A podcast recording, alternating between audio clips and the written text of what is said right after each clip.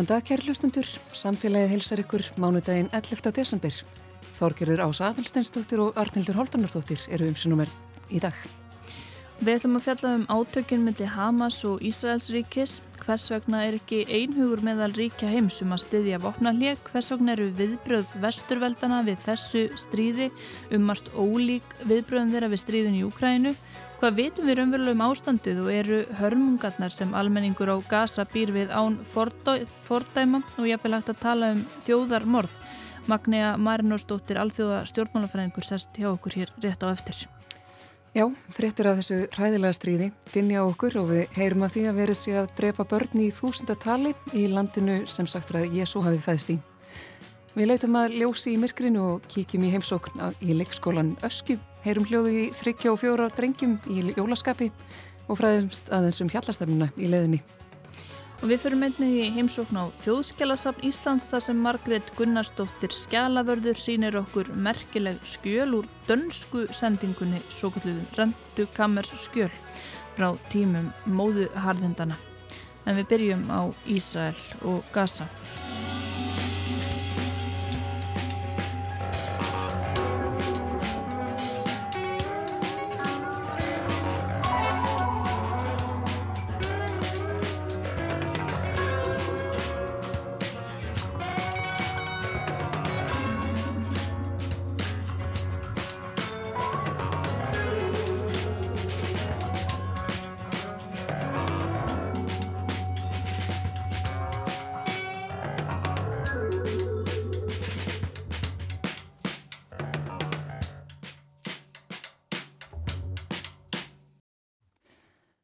Ætlum að ræða átökinn fyrir botni miðjararhafs sem tegja pólitísk ánga sína víða. Í gær fór fram samstöðustundur með Palestínu í miðborg Reykjavíkur. Ég var á sveðinu og fangaði stemninguna.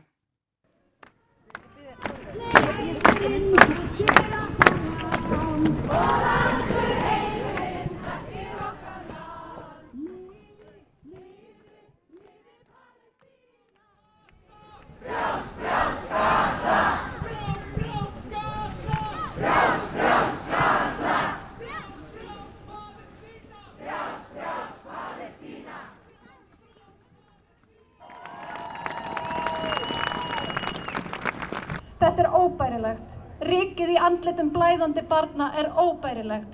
Rattirnar sem berast undan húsarústum eru óbærilegar. Myndir af smábörnum sem ráfa um í leit að látnum fóreldrum sínum og sískinum eru óbærilegar. Hversu slæmt getur þetta orðið? Spyr maður sig á hverjum degi. Á hverjum degi er sama svarið. Verra, verra, verra. Það er yfirlýstur tilgangur Ísraelstjórnar að þurka Gaza út af kortinu. Svelta þau, myrða þau. Þau hafa sjálf sagt það margóft. Við viljum losna við alla palestínubúa. Þau eru auðmar en nokkur skeppna. Við minnum eigða þeim öllum. Veit Bjarni Benediktsson þetta þá ekki? Veit Evropasambandi þetta þá ekki? Veit Joe Biden þetta þá ekki? Jú, hann veit. Þau vita. Þau vita þetta öll, en þau get ekki sagt, sjáu til, Netanyahu er að fremja þjóðarmorð og við viljum ekki gera neitt af því að diplomatísk kurteysi, verðbríamarkaðir og peningar skipta meira máli en þúsundir á þúsundir barna með brostin augu í Palestínu. Barna sem hennu aldrei, aldrei aftur eiga amali. Já, bú!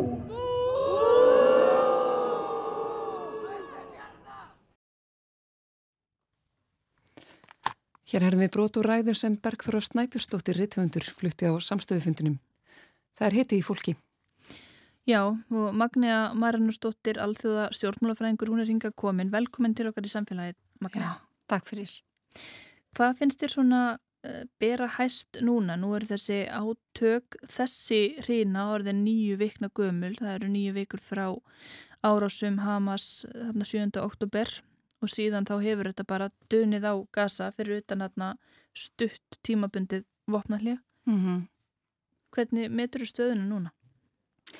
Já, sko, í raun og veru þá náttúrulega er bandarikinn uh, á bakvið það að Ísraels þér getur haldið áfram þessum loftaru sínum á hérna Gaza og þeir náttúrulega eru með þrænskara markmið þú veist það er bara útrýma Hamas og þeir hérna eru núna fyrst og fremst að reyna að ná leittónum ekki síst hérna e, sín, sín var sem að býr hérna í Jan Kunis í, í suður hluta uh, Gaza og er talin svona vera arkitektin ásand öðrum að þessum árásum Hamas.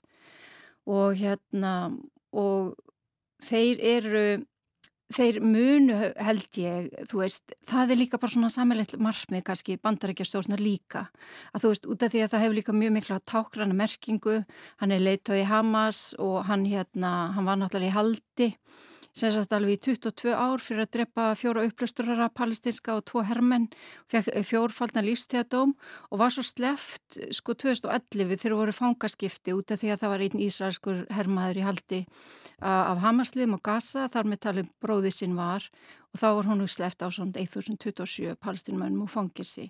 Þannig að þú veist, ég held að þetta sé líka bara ok, þú veist, ég sleftum hún að haldi, þú veist, nú náum við honum og við upprætum Hamas.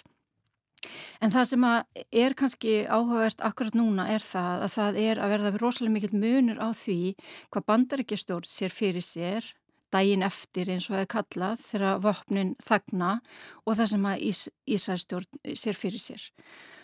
Og hérna það sem að Ísæðstjórn fyrir sér, eða Netanyahu og hans harlínu stjórn sér fyrir sér er náttúrulega bara útrýma Hamas eins og fyrir segir og afvopna Gaza og það sem þeir segja að uppræta svona rótækni á Gaza hvernig sem þeir ætla að fara að því. En þeir vilja breyta Gaza í einhvers konar svona öryggisvæði og hérna og þeir eru búin að vera ráðferða sig og koma skilabóðum til Egyptalans og Jórdaníus uh, saminu arbísku fyrstudæmina og Suður Arbi og Tyrklands um þetta, hvað þeir vilja. Um, þeir vilja ekki palestinska heimastjórnir ráði þarna, heldur munu þeir hafa yfirráð yfir svæðinu og út af því að þeir segja bara palestinstjórn er svo veik og þeir, það er bara eins, það sama að hafa Hamas við völd og hérna hins vegar að þá lagði hérna varafórsæti bandaríkjana Kamila Harris fram í raun og veru hugmyndir bandaríkjumanna sem eru að landamæri verði þau sömu, það verði engir fólksflutningar fólki innan Gaza, það verði ekki hergfi og þeir verði ekki hernumnir að nýju eins og, eins og hérna var á fyrir 2005 og að heimastjórnum taki völdin. En á sama tíma að þá er heimastjórnin svo veik og allir átt að segja á því. Þannig að það eru komnur upp svona hugmyndur um að þetta verði nokkur svona vemdarsvæði og þarna verði alþjóðleitt fyrirgæslu lið til þess að tryggja sko öryggi eins og landamærum við Ísrael og Palestínu. Og að það komi verði sett á svona einhvers konar um, stjórn sem er bland af alþjóðleiri og heimastjórn eins og var gert til dæmis Kosovo 1999 og var gert sko eftir 1945 þú veist það voru 11 ríki sem voru að verða frjáls eða fá frjálsla undan nýlendstefni þau voru með svona stjórn og það síðasta 94 og síðan kom þetta til sögunir hérna 99 í samvættu Kosovo og Östur Tímor og það eru í raun og veru hugmyndirnar og það er ekki hérna eitthvað sem að Netanyahu og hans stjórn er hrifin af og hugmyndin er að þetta verður svona einhvers konar tíu ára plan til að byggja upp þá stjórn og stjórnsýslu og, og þýlikt þannig að Palestina geti þá verið friðsanlegt ríki eftir cirka tíu ár. Þannig að þetta er hérna mjög óleikar hugmyndir og það sem ég veist kannski, það sem er verið að spá er að það verður rosalega mikið tókstreita og spenna í samskiptum Ríkisvörna Bætin og Ríkisvörna Netanyahu. Og í raun og veru eins og maður lesi stöðuna þá sér maður alveg að sko Netanyahu gæti haft haga því að draga málin að langin alveg þannig til næstu bandar, eh, bandarsku fórsetukostninga fara fram. Og hann myndi, það verið happafengu fyrir hann að fá Trump sem fórseta, sem mm. gæti mm. náttúrulega gerst eins og hefur spáð verið. Og verður eitthvað ef hann ætlar að halda áfram þessum eh, árásum á gasa þar til að nýr fórseti tekur við í bandaríkinum, verður eitthvað eftir að gasa og ef maður hugsa um bara þetta markmið að útrýma Hamas og svo hvernig er gengið fram, eh, það hefur náttúrulega verið gaggrínt af, af eh, saminuðu þjóðunum, framgangan, mm -hmm hver er munurinn á því að útrýma Hamas og útrýma öllum palestínumunum? Það er akkurat líka það sem hefur verið greint. Eftir því sem að árin hafa liðið, sko, það eru tvö svona fjög megin stríð sem eru stærsta, mesta mannfalli, verður alltaf meira og meira. 2009, 2012, 2014 og svo núna 2023. Og það er alltaf gengið lengra í því hversu mikið mannfall má verða eða er svona tali vera í lægi innan Ísraelska hersins uh, af, af, í, í rauðum almenna borgara. Og auðvitað, þú veist, er rosalega líka tvískinning skilningur eins og í því að nú er verið að ráðast á innvið eins og, og það er ekki hægt að fá drikjavatn og það er ekki drafmagn. Ég menna þetta voru kallaðir skrýsklapir af hérna að frangatstjóra Öfrubaráðsins, hérna Úrsula fondi lægin þegar hérna rúsa gerði þetta í Úkrænu en það er ekki tekið svona stertil orða þegar að hérna þetta hefur gerst að gasa. Hvað og, skýrir það? Það er náttúrulega þessi hræðilega saga sem að er í rauninni hérna, já, tilurð Ísæls ríkis grunninn og, og hérna og svo uh, ég horfum maður á, á svona hvernig hefur verið komið fram í tengslum við stríði í Úkrænu mm -hmm. og taland um tvískinunga þá er, eru vesturveldin með miklu meiri afgerandi stöðning þar en stíga mun varlegar til jarðar þegar kemur að gasa. Er þessu kannski bara, er þetta ólíku saman að jafna eða, eða af hverju er þetta svona mismunandi, er þetta bara einhverja geopolítiskar ástæða fyrir því? Ég held að þessi bæði uh, að vissanhátt ólíku saman jafna, sko það sem að einfaldra allt með Rúsland-Úkrænu er það Það er Sovjetríkin og svo Rúsland hafa alltaf verið í, í, einfallleika, hlutana eh, vondi kallin, óvinnurinn, bæði á tímins kaldastrýsins og svo náttúrulega eftir að Sovjetríkin fellu það varð Rúsland það líka vegna þess að ég menna fyrrum ríki Sovjetríkina fóru yfir í faðum NATO sem að þú veist þykir vera í raun og veru varnabandalag sem var reist til höfðus hverjum og þetta, þú reyndar kallaður svona, það tala um vatabátismann og, og, og þú setja fyrir Putinist eða þú leifið þér að segja að það hefði ákveðinu aurum verið í austustakku NATO. Það hefði þurft að fara aðra leiði til að dragu spennu og tókstreitu en það er hins að það sem gerist þannig að Rúsland fyrir að innleima hluta af, af svæðum Úkrænu og hérna og Rúsland er bara vondikallinn og hérna og þar leðindi fórtama það allir og líka bara upp á það hvaða áhrif hefur þá alþjóðkerfi sem við erum búin að byggja upp að það sé ekki virðing bori fyrir hérna uh, fullfyldi þjóða og þú veist það sem heitir já, territorial integrity eða þannig þar sem það erst með já þetta er þitt landsvæði mm -hmm. og hérna en auðvitað það sem flækir svaklega málinn með auðvitað Ísrael og Palestínu er að að hérna, fórnalambið, fórnalamb helfarinnar verðu síðan ríki sem að skapar órættlæti fyrir annan hóp og gerir þau að fórnalambum og maður sér þetta að þetta er náttúrulega, veist, hverju bara ábyrð á helfurinni veist, og hverju bara á, á, ábyrð á ásannum gagvar geðingum, það var fyrst og fyrst Evrópu, þeir leitu skjólsmiðlanas í miðausturlöndum og Balkanskaðan þegar hann var, þegar Óttumann veldi var þar við völd. Og hérna og svo náttúrulega er það eins og syndaflausna að, að stopna og styðja við eh, ríki Ísraels. En þá var engin auðvitað 1948 eitthvað huga að í raun og veru palestinumennum að þeir hefðu ekki réttindi. Mannreitindi yfirlýsingi kemur út þetta sama ár en kynþekja heikja er við líði og ég meina og þú, maður sé líka þetta þú veist hvað auðveldara allir virðst eiga auðveldara samsamsi með einhvern sem eru líkið með svo kvítir og náttúrulega valdastéttin í Ísrael eru kvítir askinaski gíðingar þú veist eru, það eru gíðingar sem eru líka dökkir myndur ekki gera greinmuna á hérna á gíðingi og palestinumanni sem eru dökkir sem kom frá Írland og, og miðurstöldum í kring.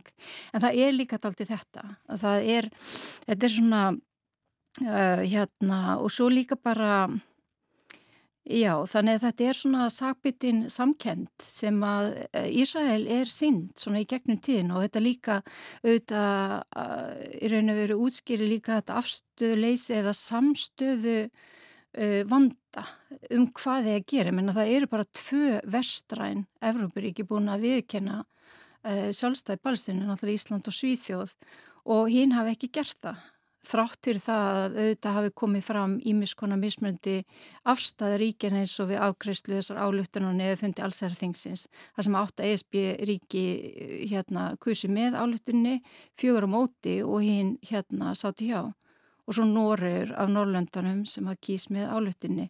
Þannig að þetta er ekki auðvitað lagt en, en það, þetta er náttúrulega, eins og segi, það, þetta, er, þetta er bara svo flókið mál og það forsan er líka hún skýrir svo mikið, forsaðan og fortíðin skýrir svo mikið afstöðuna í samtímanum.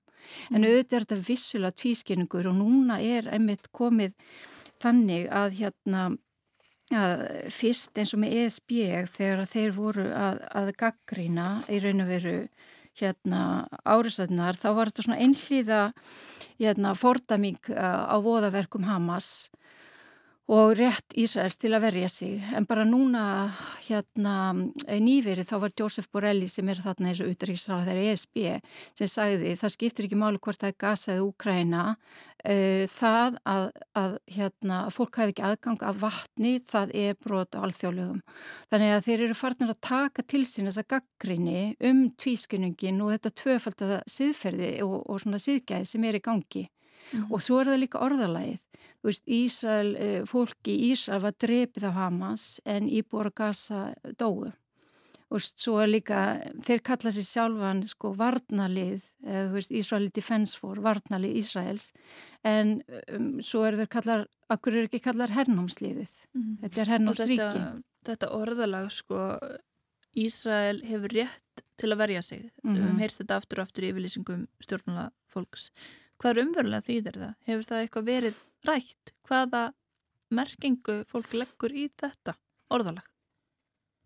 Já, það er náttúrulega verið að vísa til þessar rétt sjálfstæðra ríkja til þess að verja sig akkvært árásum og hérna það er í rauninu verið bara að vísa til þess en tvískjörnungunar hann náttúrulega kemur auðvitað ekki síst fram í því að ég meina Það er tala mikið um rétt Ísæl til að hérna, verja sig en ekki rétt palestinmanna til þess að berjast gegn hernáminu og öllum þegar mannréttindabrótum og brótum á alþjóðlöfum sem gerst okkur en degi.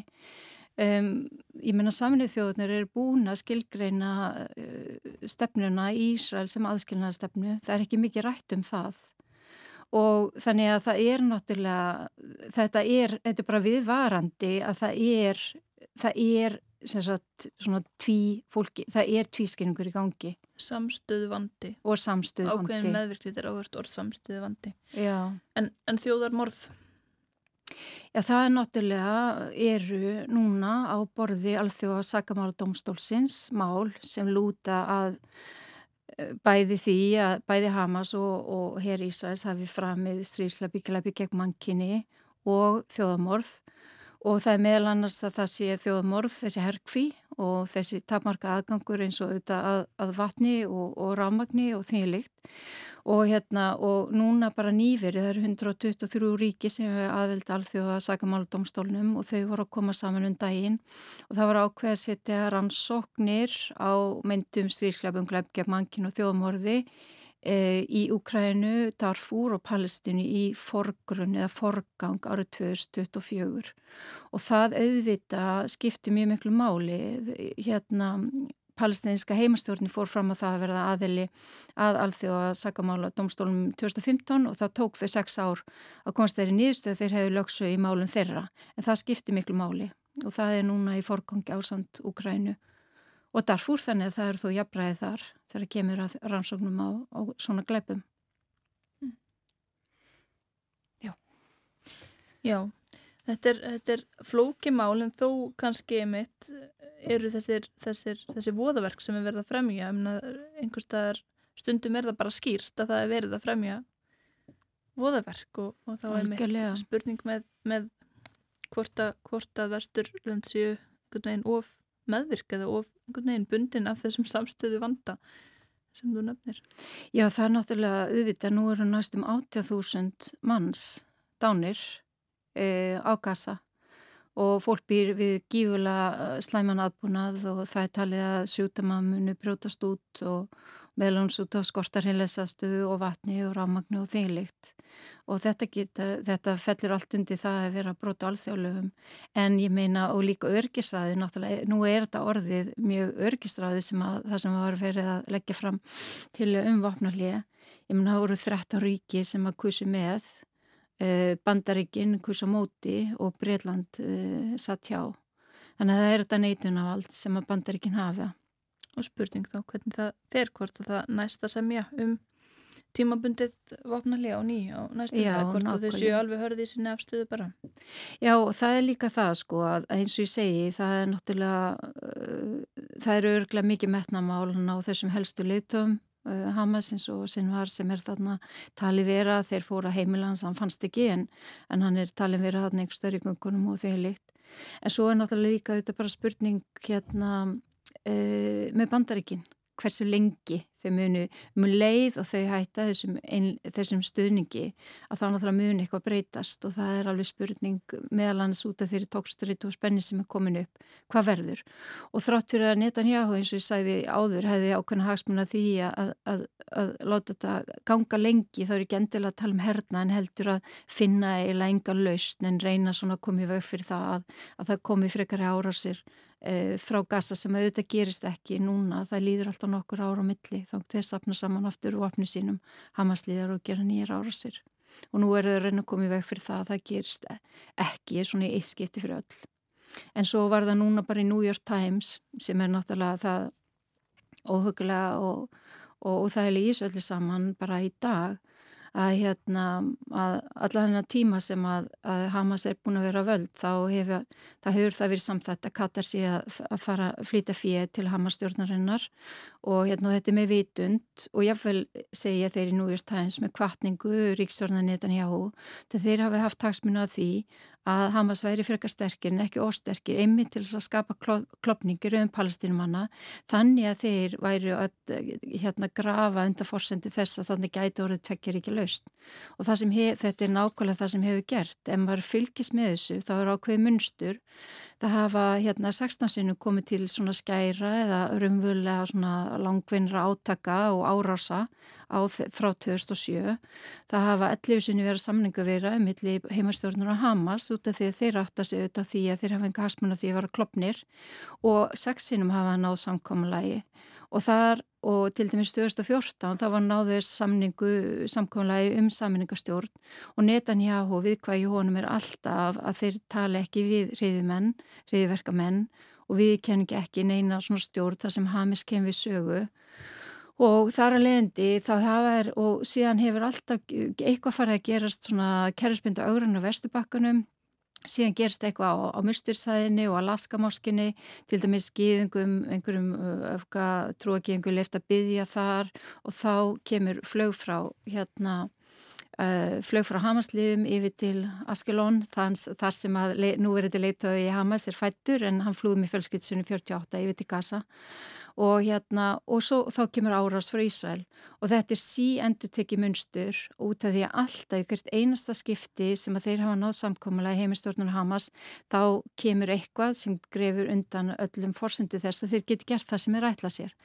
Og hérna og þetta náttúrulega þetta sást núna líka, þeir voru búin að vera að vinna í alltaf eitt ára samkvæmlega og voru búin að halda kostningar og þá kemur þetta til. En þá líka þessi abraðsamningar sem að var búið að gera við Araberíki á milli Ísraels og saminuði arbísku fyrstadæmuna, Bahrein, Sútan og Marokko og þar sem að náttúrulega palestun deilan var jæðasett og margir hafa bent þá að það hafi raun og veru uh, gert það verkum að þessi stóra áras far Hamas kemur til sögunar og hún er búin að náttúrulega vera undirbúningi aflust bara síðan eða talið er í tvö ár minnskosti. Já, þú þekkir þetta greinlega vel þessi minnstur öll Magna Marinusdóttir takkjælega fyrir að ræða við samfélagið um þessi alvarlegu mál.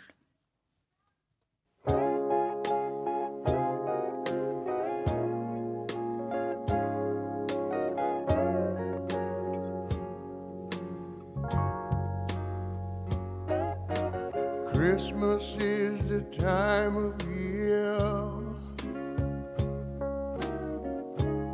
for being with the ones we love. Sharing so much joy and cheer. What a wonderful feeling. Watching the ones we love having so much fun.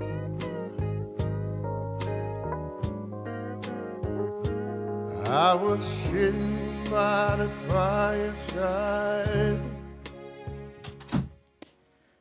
Við heyrðum hér broturlægi The Christmas Spirit með Ray Charles. Andi Jólana, það eru fleiri sem velta honum fyrir sér, meðal annars leikskóla börn á Öskju.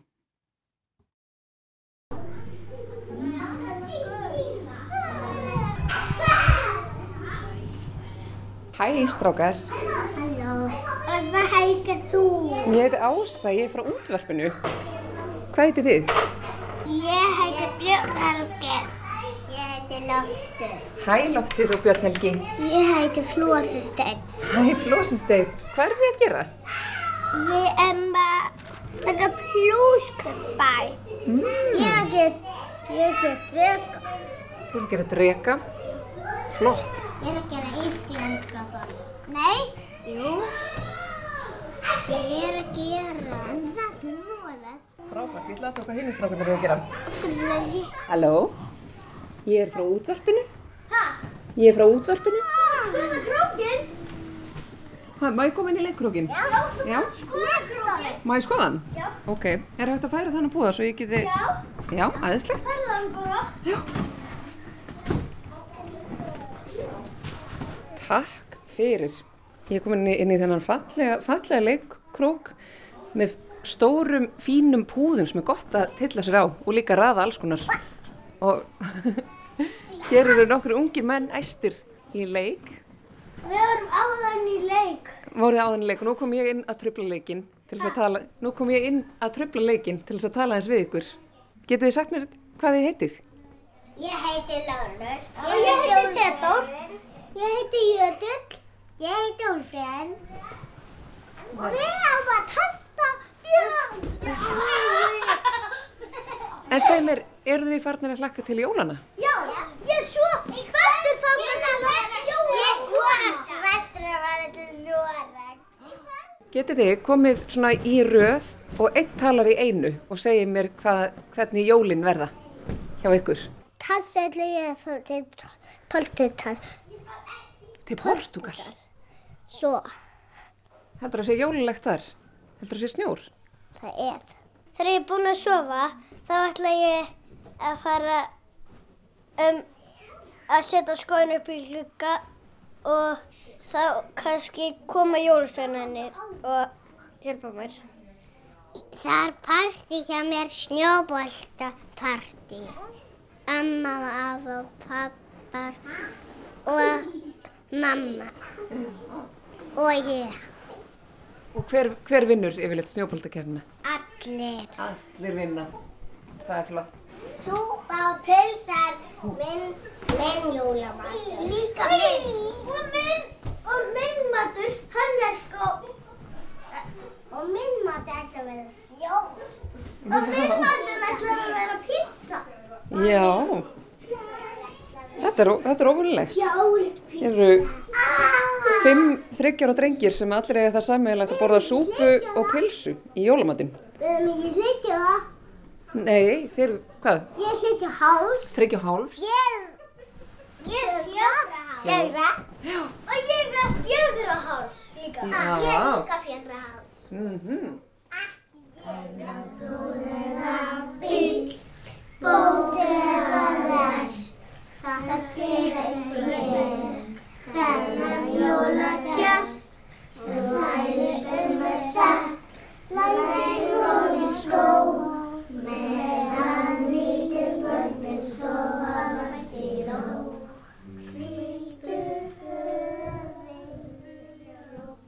Já, ég heiti Ástildur Hanna og ég er kennari hérna í leikskólanum Ösku. Er, þetta er þriðja ára mitt hér en þannig ég er búin að vinna hugsa ég á leikskóla í svona fimm ár samtals. Nú skiptist starfið hér upp í lótur. Getur þú sagt aðeins betur frá því? Hvernig þið skiptið upp skólaárinu hér? Uh, já, við skiptum því upp í sex lotur þar sem við erum að fókusera á ákveðna hluti uh, í einu, byrjum á agarlótunni, förum svo yfir í hérna, uh, sjálfstæðislótu, jákvænilótu og alls konar. En nú er sérst komið desember og þá er hlið á þessum lótum, þannig að þá erum við ekki að vinna inn einu sérstöku. Uh, aðalega erum við náttúrulega bara að reyna að hafa aðvendurna svolítið lástemda og halda rútínu af því það getur verið svolítið mikið áleg uh, líka á börnum. Þau finna stressið og streytuna sem fylgir oft desembermániði þannig að aðalega það sem við erum að gera núna er bara að reyna að kjarna okkur aðeins og hafa notalega og ljúfa stemmingu. Mm.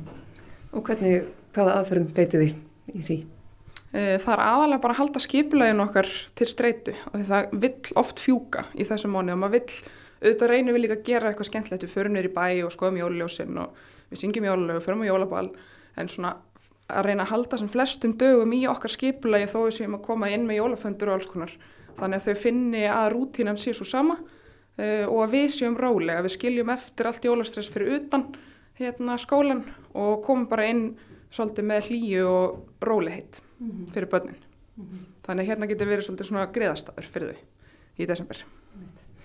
Nú kemur fyrsti jólasveinin á morgun, hvernig Er, er mikill metingur millir barnana og svona misskipting eða svona þess að hvernig upplifir þú þetta sem kennari? Já, það er það og við reynum svona eftir fremsta megni að skilja bara jólasveinatalið eftir heima, við höfum leista svolítið þannig af því að auðvitað er það, veist, börnum finnst skrítið ef að þau eru að fá óbáslega misjafnar gafir í skóin og hérna, við náttúrulega hvetjum bara jólasveina til þess að vera svolítið lástendir og uh, nýta sér notaðargjafir og litlargjafir uh, til þess að bara, já, þetta brjálaði fara ekki alveg úr böndun. Mm -hmm. Ef við tölum aðeins um svona trúarlega þáttinn, hvernig, hvernig tekst það við það? Forðist ég að ræða þessar helgisögur og svona, já, bönnunum vettilega með mismöndi bakgrunn?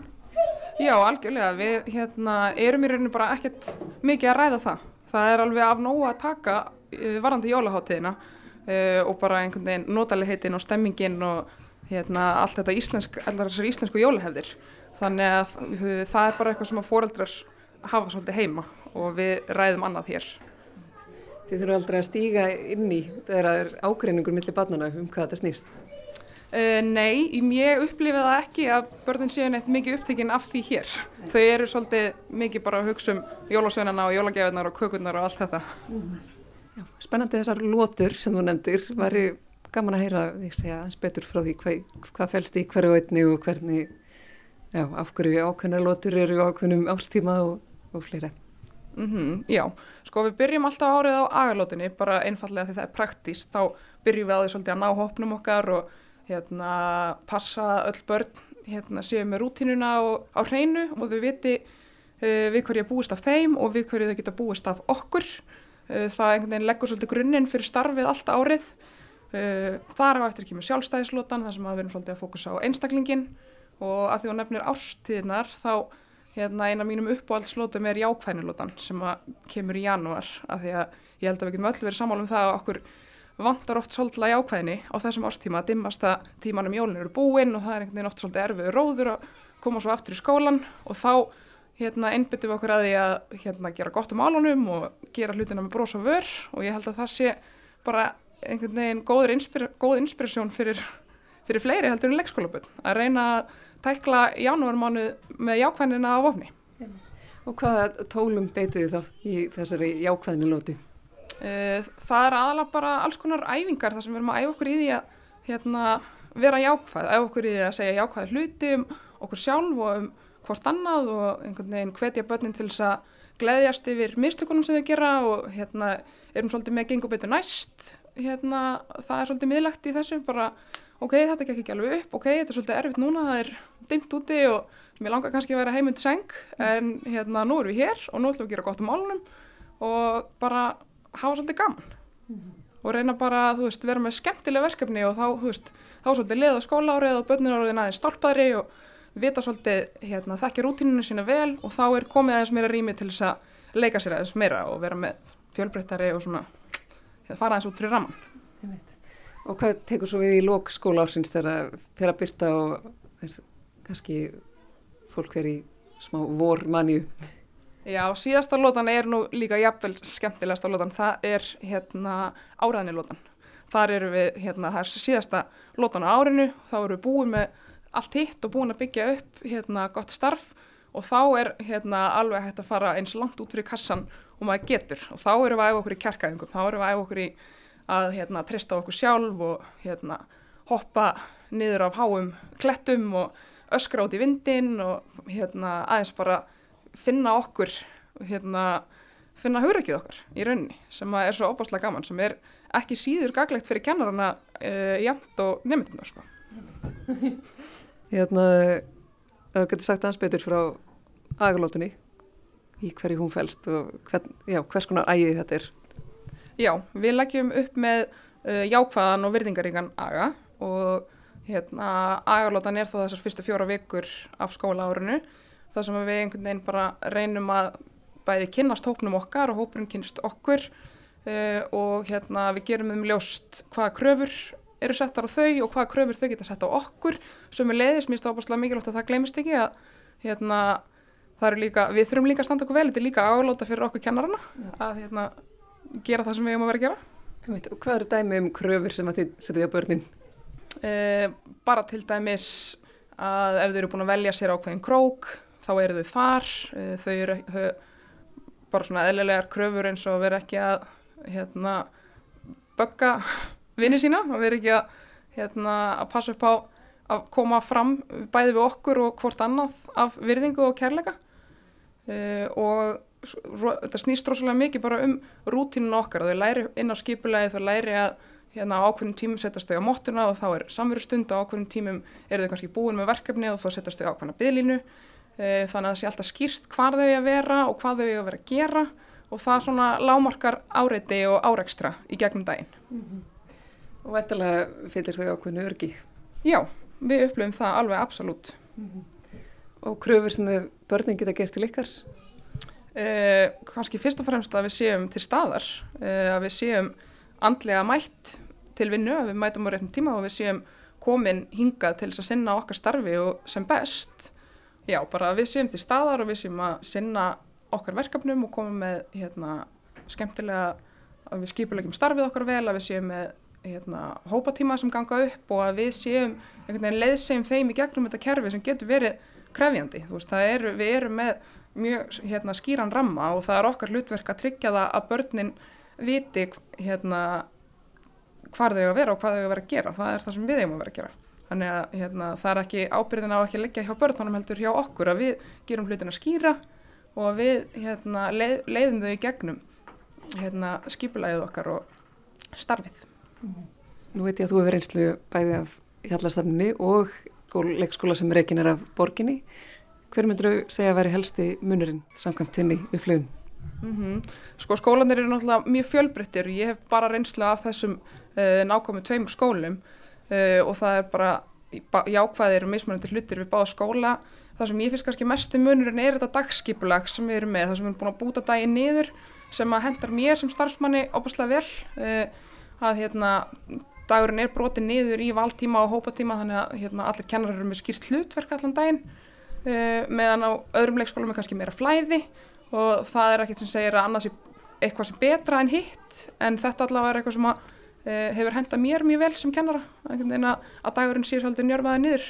En ég skil alveg hína pælinguna líka.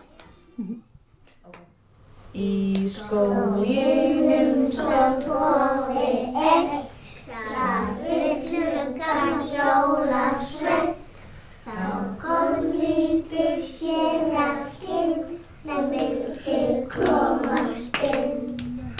Jólasveitnum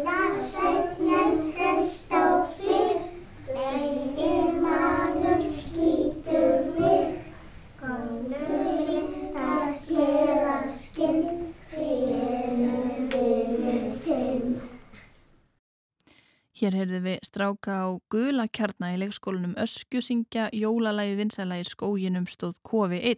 Þar, á, þar rætti Þorgir Rása við ástildi hönnu Ólafsdóttur.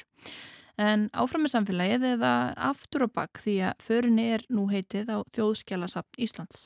Ég kom hérna í Þjóðskjálasapn Íslands og Hér uh, er búið að bera á borð í mjög skjöl og það má kalla þetta í rauninni bara hlaðborð hérna.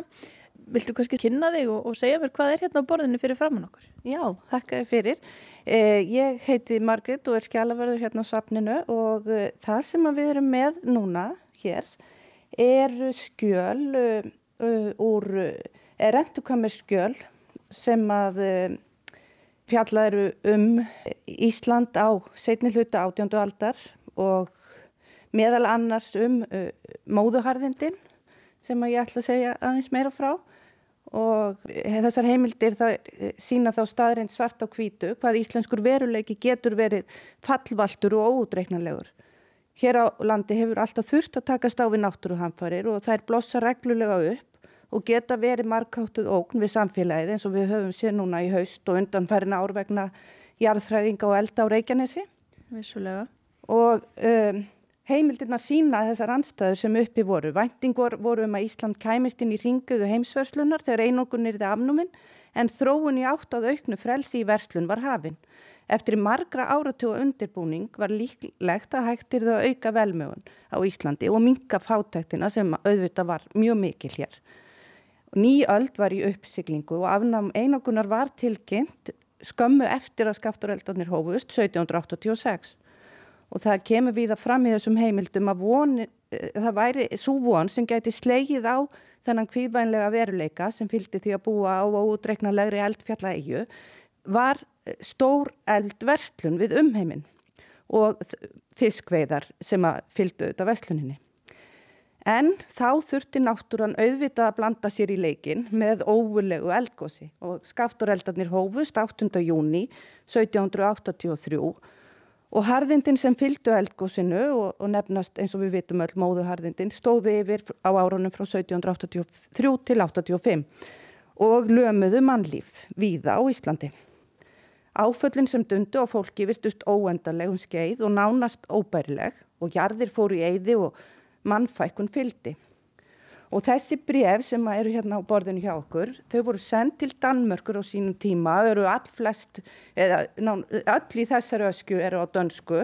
Og það eru íslenskir ennbættismenn sem að, að mestu leiti sem að halda um pennan, prestar og biskupar og síslumenn og amtmaðurinn, hann var, dans, eða, hann var nú reynda norskur, tótal og stíftandmennir, nei, stíftandmaðurinn var tótal en amtmennir voru íslensk, íslenskir en skrifa allir framúrskarandi fína dönsku. Já, dönsku kunnóttu hefur aðeins rakað kannski í Íslandi síðan í þá tíð. Já, það er alveg greinlegt. En þegar að móðuharðindin geysuðu þá eru þeir auðvitað að skrifa um uh, náttúruhamfarinnar og, og afleðinga þeirra í flestum brefunum en það koma þó bref þar sem, sem ekki er minnst á hörmungarnar hérna í þessum öskjum auðvitað margt annað sem þarf að tala um líka Já, í samfélaginu. Sýnir kannski mitt að við aðlugumst ótrúlega ástandi eða það, eða það verður svona, já. Það er nefnilega það, það er alveg rétt, þannig að það er merkilegt. En þessi skjöl sem að eh, tilhera þessum öskjum hérna 1928, B2745, það er nú það sem við erum hérna með úr endukamerinu, E, þau voru sendt til Danmörkur á sínum tíma. Þessi skjöl á í meir en einu og halva öld á danskum skjálasöfnum meðal annars á Danskaríki skjálasöfninu en samningar tókust um það millir Dana og Íslandinga í upphafi 20. aldar eftir að Ísland var orði fullvalda ríki árið 1918 að skjölinn sem að fjölluðu sérstaklega um íslensk málefni yrðu geimda á Íslandi og þau voru sendinga 1928 og þetta, þessi, þetta, þessi skjala heild er eh, oft kallu danska sendingin út af þessu. Mm -hmm.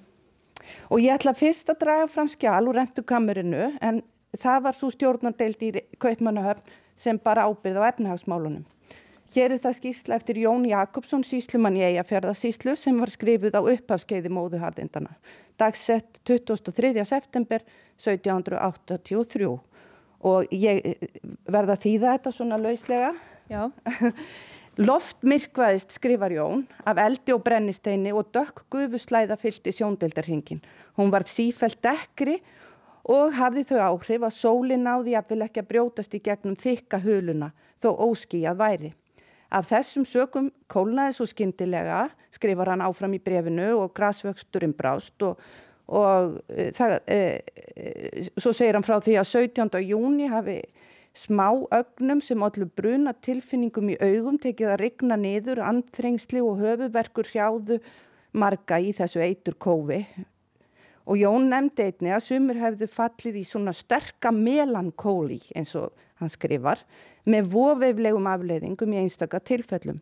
Jón velti fyrir sér helstu ástöðum þunglindi sinns og það hefði líklega verið myrkrið, hefði, það var svo gengdalaust og reykjamóðan og, og þokan gerði svo illt verra og svo læðist hungrið ofan á þetta. Og, e, það er náttúrulega alveg rillilegar aðstæð sem ja, fólki var í. Al, alveg reynd um, um skeið en auðvitað byrti svo til eins og alltaf hér. en Hannes Finnsson biskup e, skrifaði, það, þeir eru margir sem skrifa til eh, eins manns í Kaupmannahöf sem heitir Kristján Martfeldt, margir ennbættismenn skrifa til hans. Og eh, meðal annars Hannes Finnsson eh, sem var aðstórbiskup á þessum tíma. Og hann, aðeins þarf ég að kynna þennan Martfeldt, hann var sem sagt rítari danska landhúsholdningsselskapet sem var svona efnahagsfélag sem að hafði hafði hug á uh, því að reysa við efnahagslífið á Íslandi og líka í öðrum, uh, öðrum hlutum danska ríkisins á þessum tíma. Og Martveld var allt í öllu í þessu félagi og íslensku ennbættismennir treyst honum mjög vel greinilega.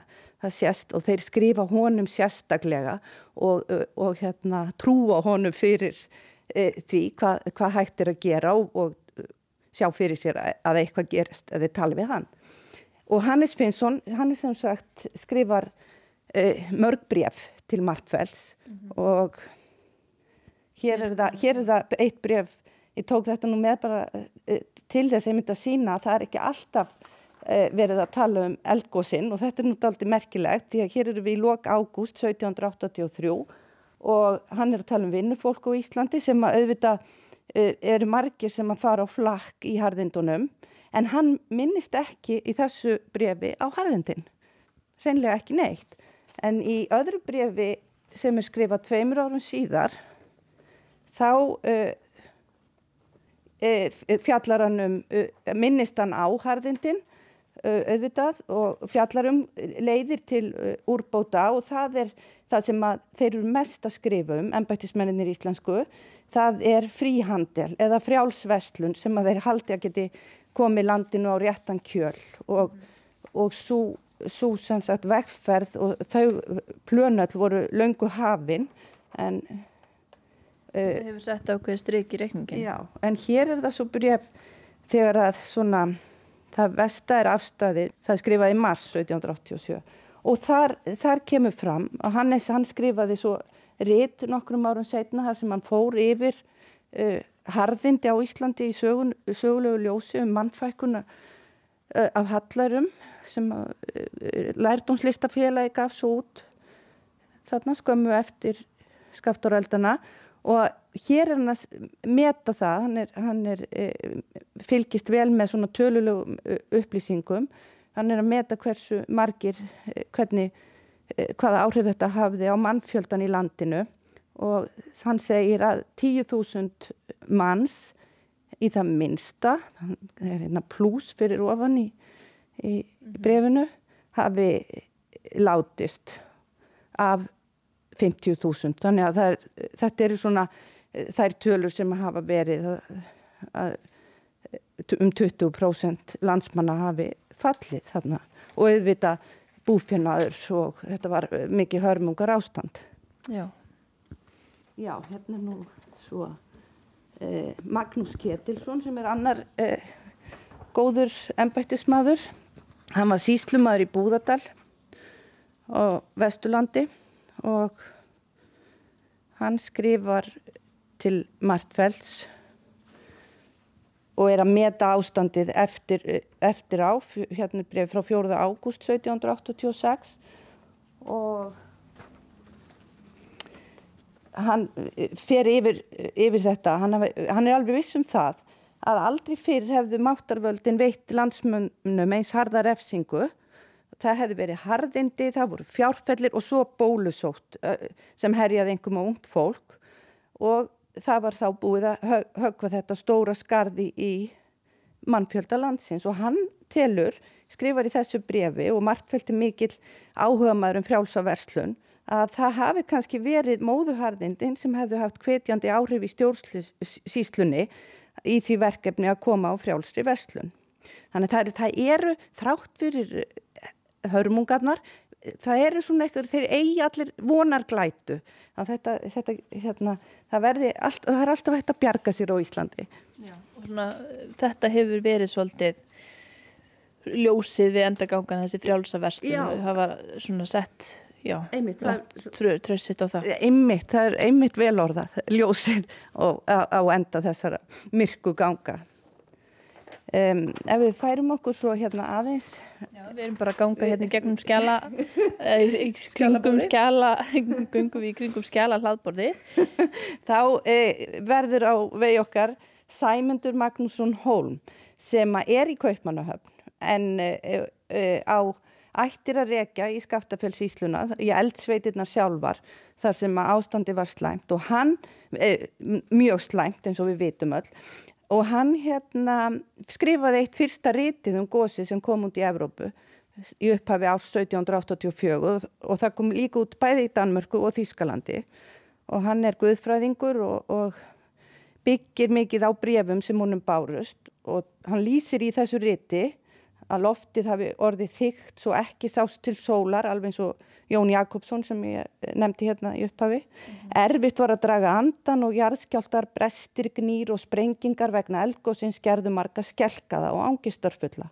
Svo alger ringulreið ríkti um skeið. Fólk lagði á flóta frá heimkynnu sinu mín ákveðinni góðstöðuna.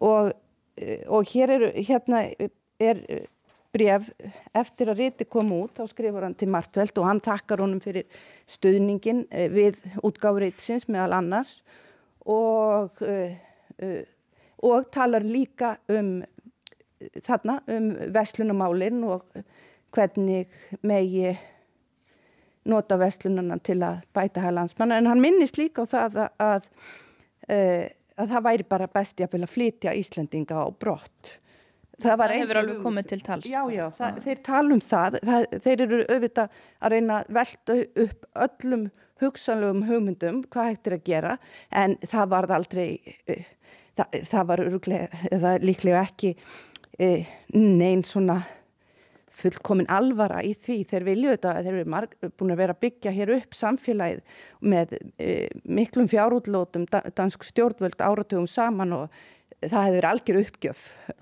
Þeir hafa allir afskaplega fallega rítandir þessir, þessir menn. Já, finnst þið það? Já, en svo sem ekki sérstaklega læsil. e, já, en Sæmundur var auðvitað líka, hann, hann hefur líklega bara sérstaklega fína rítund, en það er alveg rétt, þeir, eru, þeir skrifa margir vel. Hérna, Hannes, þetta er allt svona e, hérna, mjög skýrt, Hannes er ekki alveg snirtilegt, en hann er aðeins en, svona, en hann var líka búin að vera hann, uh, sæmundur í listaakademíun í Kaupmannahöfn og hann er svona þannig að hann er líka þjálfaður myndlistamæður Já, það kannski skila sér þarna í skriftunni líka.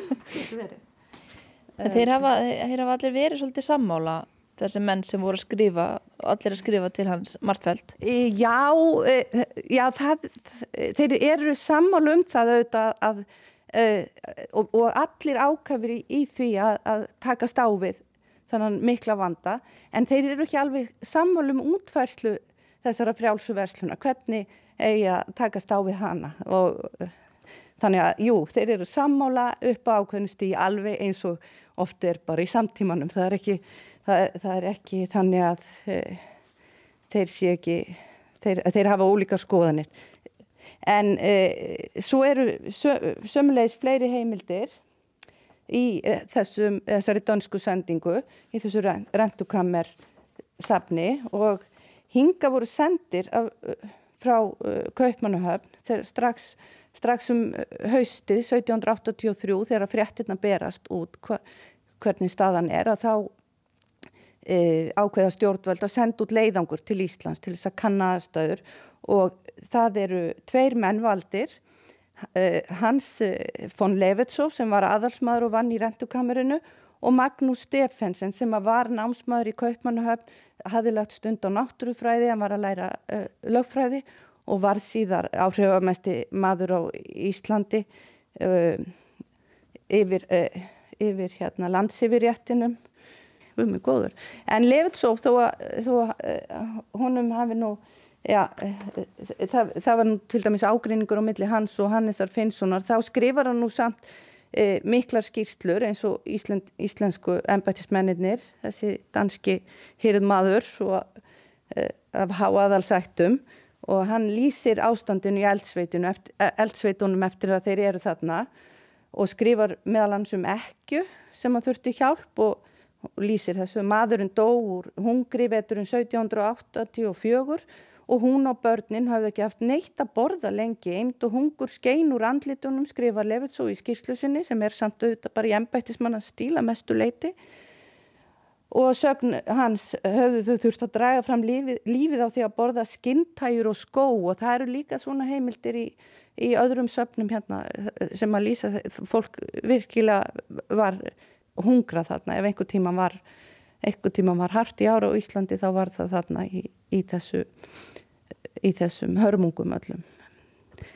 En, en, en alltaf þessi von svo uh, í brefunum eftir 1786 og svo 1787 þegar að þegar að veslunin er gefin frjáls um sömarið að þá er ennþá þessi von í loftum að nú fari nú að vangast hagur manna og auðvitað var, var fólk fljótt að, að réttu kútnum að því að hér eru auðvitað þessi, þessi góðu fiskimið og, og, og grasið e, það, það var líka mjög mikil gróandi þarna skömmu eftir gósið Næringin úr, úr öskunni Já, já, þetta er alltaf þetta sama og og við þekkjum í dag að það, það, eru, það eru þessar miklu andstæður, það er annars vegar e, getur allt farið á hliðina og svo e, einhvern veginn vangast hagur skjótt. Já, þú sér það alveg svona hliðstæður í, í, í samtímanum að hérna. Já, ég ætla nú svo sem ekki endilega að hérna, álita neitt um það en, en já, er, þetta er guml svo ný allavega, það er að segja svona, svona án þess að á þess að segja neitt om mikið um það. Já. Erum við þá búinar að fara hérna hringinum um hlaðborðið? Já, við getum náttúrulega haldið áfram en ég veit ekki hvað. Það kannski tíma hérna. Já, við getum haldið bara í ein askja gæti gefið okkur efni í, í mörg viðtöl en, en já, þetta, við erum, við erum komin hringin. Við erum komin að hringin. Uh, Margrit Gunnarsdóttir, takk kærlega fyrir að rifja þessi, þessa sendingu, þessa dönsku sendingu upp með samfélaginu. Þetta var mjög áhugavert að, að skoða. Takk kærlega fyrir mig. Já og þau sem að vilja kynna sér skaftáreldana betur geta auðvitað hlustað á nýlega útvastáttaröð því spilar rúf sem að heitir einfallega skaftáreldar. Já, það var ekki fleira í samfélagin í dag. Þú, Artildur, verður hér aftur á morgun með Guðmyndi Pálsni. Mikið rétt.